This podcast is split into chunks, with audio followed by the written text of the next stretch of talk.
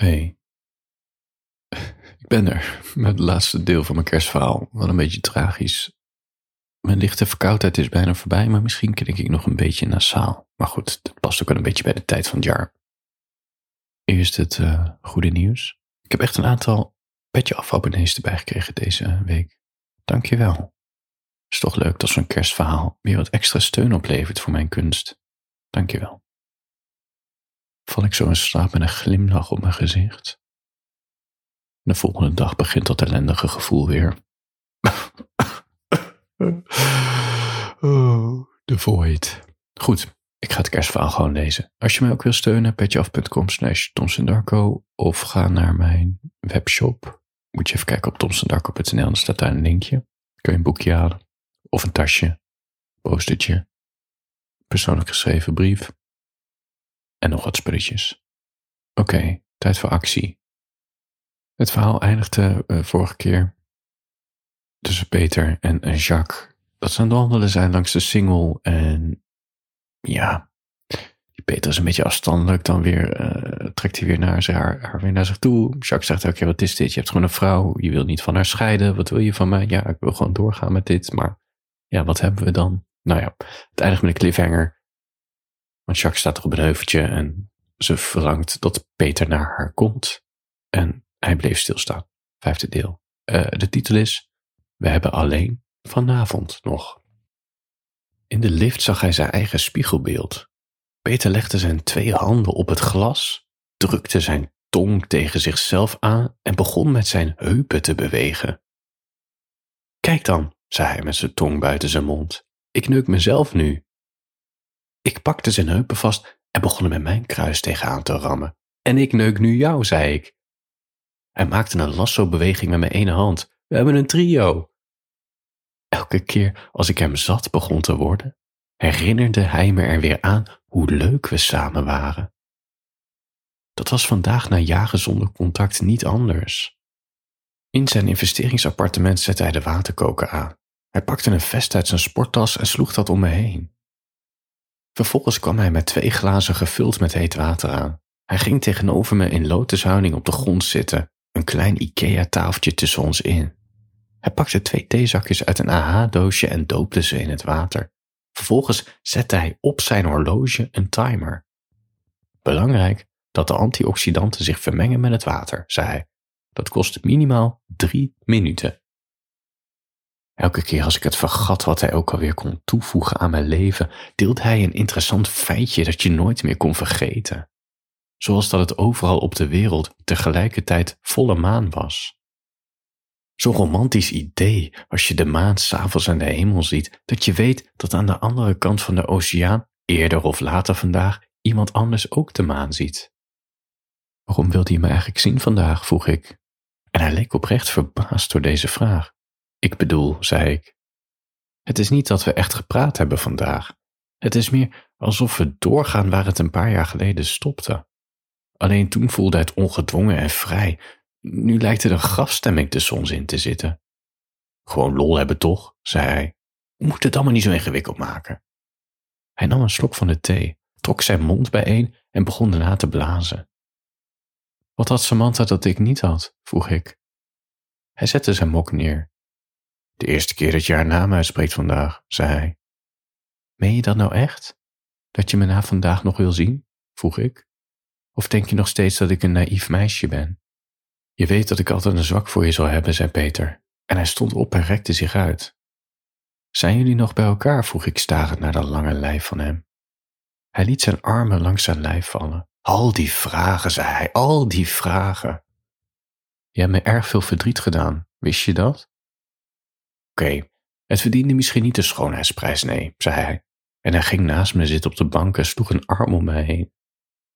Die wilde ik niet voelen en tegelijkertijd ook wel. Je verdient mijn lijf niet eens, zei ik. Je mag geen beroep meer doen op mijn tijd en je mag al helemaal niet meer in mijn hoofd komen. Hij gaf een zoentje op mijn hoofd, stond op en liep naar de boekenkast toe. Ik heb kanker, zei hij. Je lult, zei ik. Ze zeiden het in het ziekenhuis. Ik heb thuis mijn spullen gepakt voor Samantha thuis zou komen en ben hierheen vertrokken, aangezien er tijdelijk geen huurder is. Vervolgens heb ik me dagenlang hier opgesloten en zitten zuipen en blowen als nooit tevoren. Sinds gisteren voel ik me weer wat beter en toen dacht ik, ik wil je zien. Weet Samantha dat je hier bent? Oh, inmiddels wel. We hebben gisteren heel lang gebeld. Ik stond op en sloeg een arm om zijn lijf heen. Mijn handen begonnen op zijn lijf te kloppen, alsof ik naar een tumor zocht. Ga je dood? vroeg ik. Ze mogen me cremeren, zei hij. Dus je gaat dood? Maar niet vandaag, zei hij. We proefden tijdens het zoenen elkaars bittere tranen. We ontkleden elkaar, gingen naar zijn bed toe en daar bleven we zoenen. Alsof het de laatste keer was dat het nog kon. We zeiden geen woord. Slechts onze handen en lippen op elkaars huid. Tot we niet meer konden. In het restaurant schoof ik zijn stoel naar achteren, liet hem zitten en kneep in zijn schouders. Pas bij het opdienen van het hoofdmaal zeiden we wat tegen elkaar. Je moet hier niet blijven, zei ik. Hoe bedoel je? Je kan je niet blijven isoleren als een indiaan die zich terugtrekt in de bergen om te sterven. Je weet niet eens wat het effect van de behandeling gaat zijn. Je weet niet eens hoeveel tijd je nog krijgt. Verspil geen enkele minuut van je leven meer, Peter. Hij nam een slok van de rode wijn. Maar ik wil mijn tijd hier met jou besteden, zei hij. Je ontkent, zei ik. En dat mag, maar na vanavond wil ik je niet meer zien, spreken of horen, oké? Hij protesteerde nog even, maar knikte toen dat hij het begreep. Hoe kom je erachter als ik er niet meer ben dan? vroeg hij. Moet ik je een brief laten sturen via de notaris? Met het servet veegde ik de tranen op mijn wang weg. Je hebt toch gehoord wat ik zei? fluisterde ik. Nee. Na vanavond wil ik je niet meer zien, spreken of horen. Ga naar huis, ga kerst vieren met je ouders, je vrouw, je broer en je vrienden.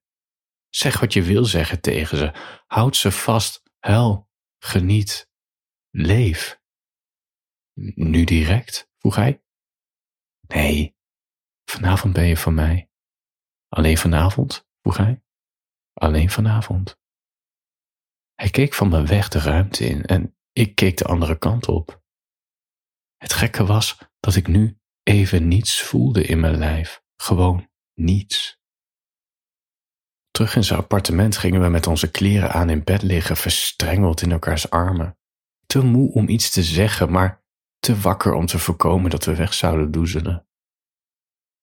Hij zette uiteindelijk Jurassic Park op via zijn iPad en we keken zwijgend naar de dino's. Voordat de film was afgelopen, was hij dan toch in slaap gedommeld. Ik weet niet hoe lang ik naar hem heb gekeken, maar het was voor mijn gevoel de halve nacht. Dat lijf dat er zo sterk en zo gezond uitzag, dat zo rustig op en neer ging door het ademen. Zo'n gek idee dat daar achter de huid een proces van zelfvernietiging plaatsvond. Mijn gedachten gingen van: ik blijf tot de volgende ochtend naar, ik vertrek nu en dan hoeven we geen afscheid meer te nemen. De laatste gedachte won. En ik nam de rode sjaal mee en zou die nooit meer gaan wassen. ik weet, elke keer, ik heb het steeds vaker als ik mijn eigen verhalen voorlees, dat ik er zelf een beetje geëmotioneerd van word. Wat absurd is, want ja, geen idee. Tijdens het schrijven voel ik het niet. Ik weet wel hoe het komt. Het is een, nou, het is niet echt een truc. Het is een uh, schrijverstechniek die ik uh, leer aan mensen. Ik ga er in januari van, van 2023 mee beginnen. Een klein clubje mensen is graag gemeld om zes weken lang met mij korte verhalen te gaan schrijven. Die gaan we van elkaar lezen en corrigeren. En ondertussen in die weken leer ik ze de technieken van minimalistisch schrijven. Dit is de kern van minimalistisch schrijven. Wat ik geprobeerd heb in dit kerstverhaal. Dat is dat je probeert de actie buiten het personage plaats te laten vinden. Dus je probeert zo min mogelijk de gevoelens van iemand te omschrijven. Wat betekent dat de lezer reageert op wat er om het karakter heen gebeurt en dus zelf voelt. In plaats van dat het personage voelt. Het idee is dus als het personage huilt, dat je als lezer niet huilt. Maar als je niet vertelt dat het personage huilt, dan ga je zelf huilen. En ik heb niet omschreven hoeveel tranen er gevloeid zijn. Die laatste momenten in dat band. En ook niet hoe ze erover nadacht. Alleen, ik heb alleen een soort ja, wetenschappelijke omschrijving van haar dat ze zo maf vindt dat achter dat lijf allemaal dingen gebeuren. Maar dat is natuurlijk gewoon een kopingsmechanisme voor dat hij sterft. En dat ze eigenlijk geen afscheid van hem wil nemen en daarom stiekem vertrekt. Maar ik zeg niet wat ze voelt. Ik zeg niet ze wil. Snap je? Dus zo projecteer je haar alles wat Jacques voelt. Dat gaat dan in je eigen lijf zitten. En ik merk het dus ook bij mezelf, bij het voorlezen. Ja, ik weet niet hoe het met jou zit hoor. Misschien uh, voel jij helemaal niks. Dat kan ook. Dan ben je gewoon zo apathisch als maar kan. Of ik schrijf heel slecht.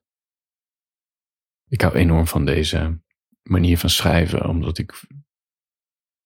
Het is een beetje zoals ook met films, dat uh, de ziedige muziek eronder bepaalt hoe je moet voelen. En dat vaak is het heel storend. Soms werkt het heel goed, maar vaak is het echt heel storend. Ik hoef niet. Ze hoeven mij, omdat het een beetje effectbejag is, snap je? Het is een, uh, het is een, het is een manier om te zeggen wat ik moet voelen. En dat is ook met schrijvers die heel veel woorden kwijt zijn aan wat een personage voelt. Dan denk ik, oké, dan hoef ik het zelfs niet te voelen. Maar schrijven is toch een interactie. En het verdriet en de pijn en de angst. En misschien ook het geluk of het plezier. Dat zit juist in als, het, als je het zelf begint te voelen. En dan loop je eigenlijk hand in hand mee met het personage. En de truc is dus om niet, niet of zo minimaal mogelijk, minimalistisch schrijven, te vertellen wat een personage voelt. Maar de actie wat overkomt, het heel duidelijk te laten maken en dat je het toch voelt als lezer. Maar volgens mij herhaal ik me nu. Oké, nou, ik ben bijgekomen. ik wens je echt een. Uh, wat wens ik je eigenlijk toe? Ik ben mijn eigen kerstkaart kwijt. Ik heb zo'n kerstkaart een paar jaar geleden ontworpen en af en toe haal ik die van stal. Ik wens je ieder geval een eenzame kerst en een kut nieuwjaar toe.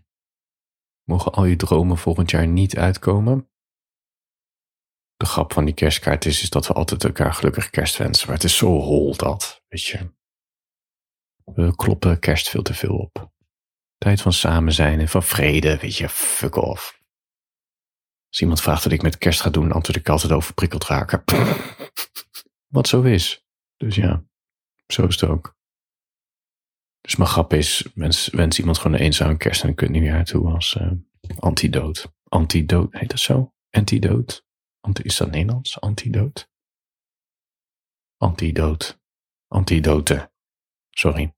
Als tegen. Antidoot. is Engels. Antidoot. Tegengif van al dat naïef optimisme van onze samenleving. Als je elke dag iets trouwens wil lezen over. Ik, je gaat eigenlijk al mijn dagelijkse mailtjes over. over de, ik ben niet zozeer anti-optimisme, maar wel anti-naïef optimisme. En er zit veel te veel naïef optimisme in onze samenleving. En dat is niet goed. Dit is echt. Uh, het, is, uh, het, is, het heeft te veel problemen op. Er wordt een realiteit geschetst die niet bestaat. Zoals een zalig kerstfeest en, een, een vrede op aarde. Weet je, vrede op aarde gaat nooit komen.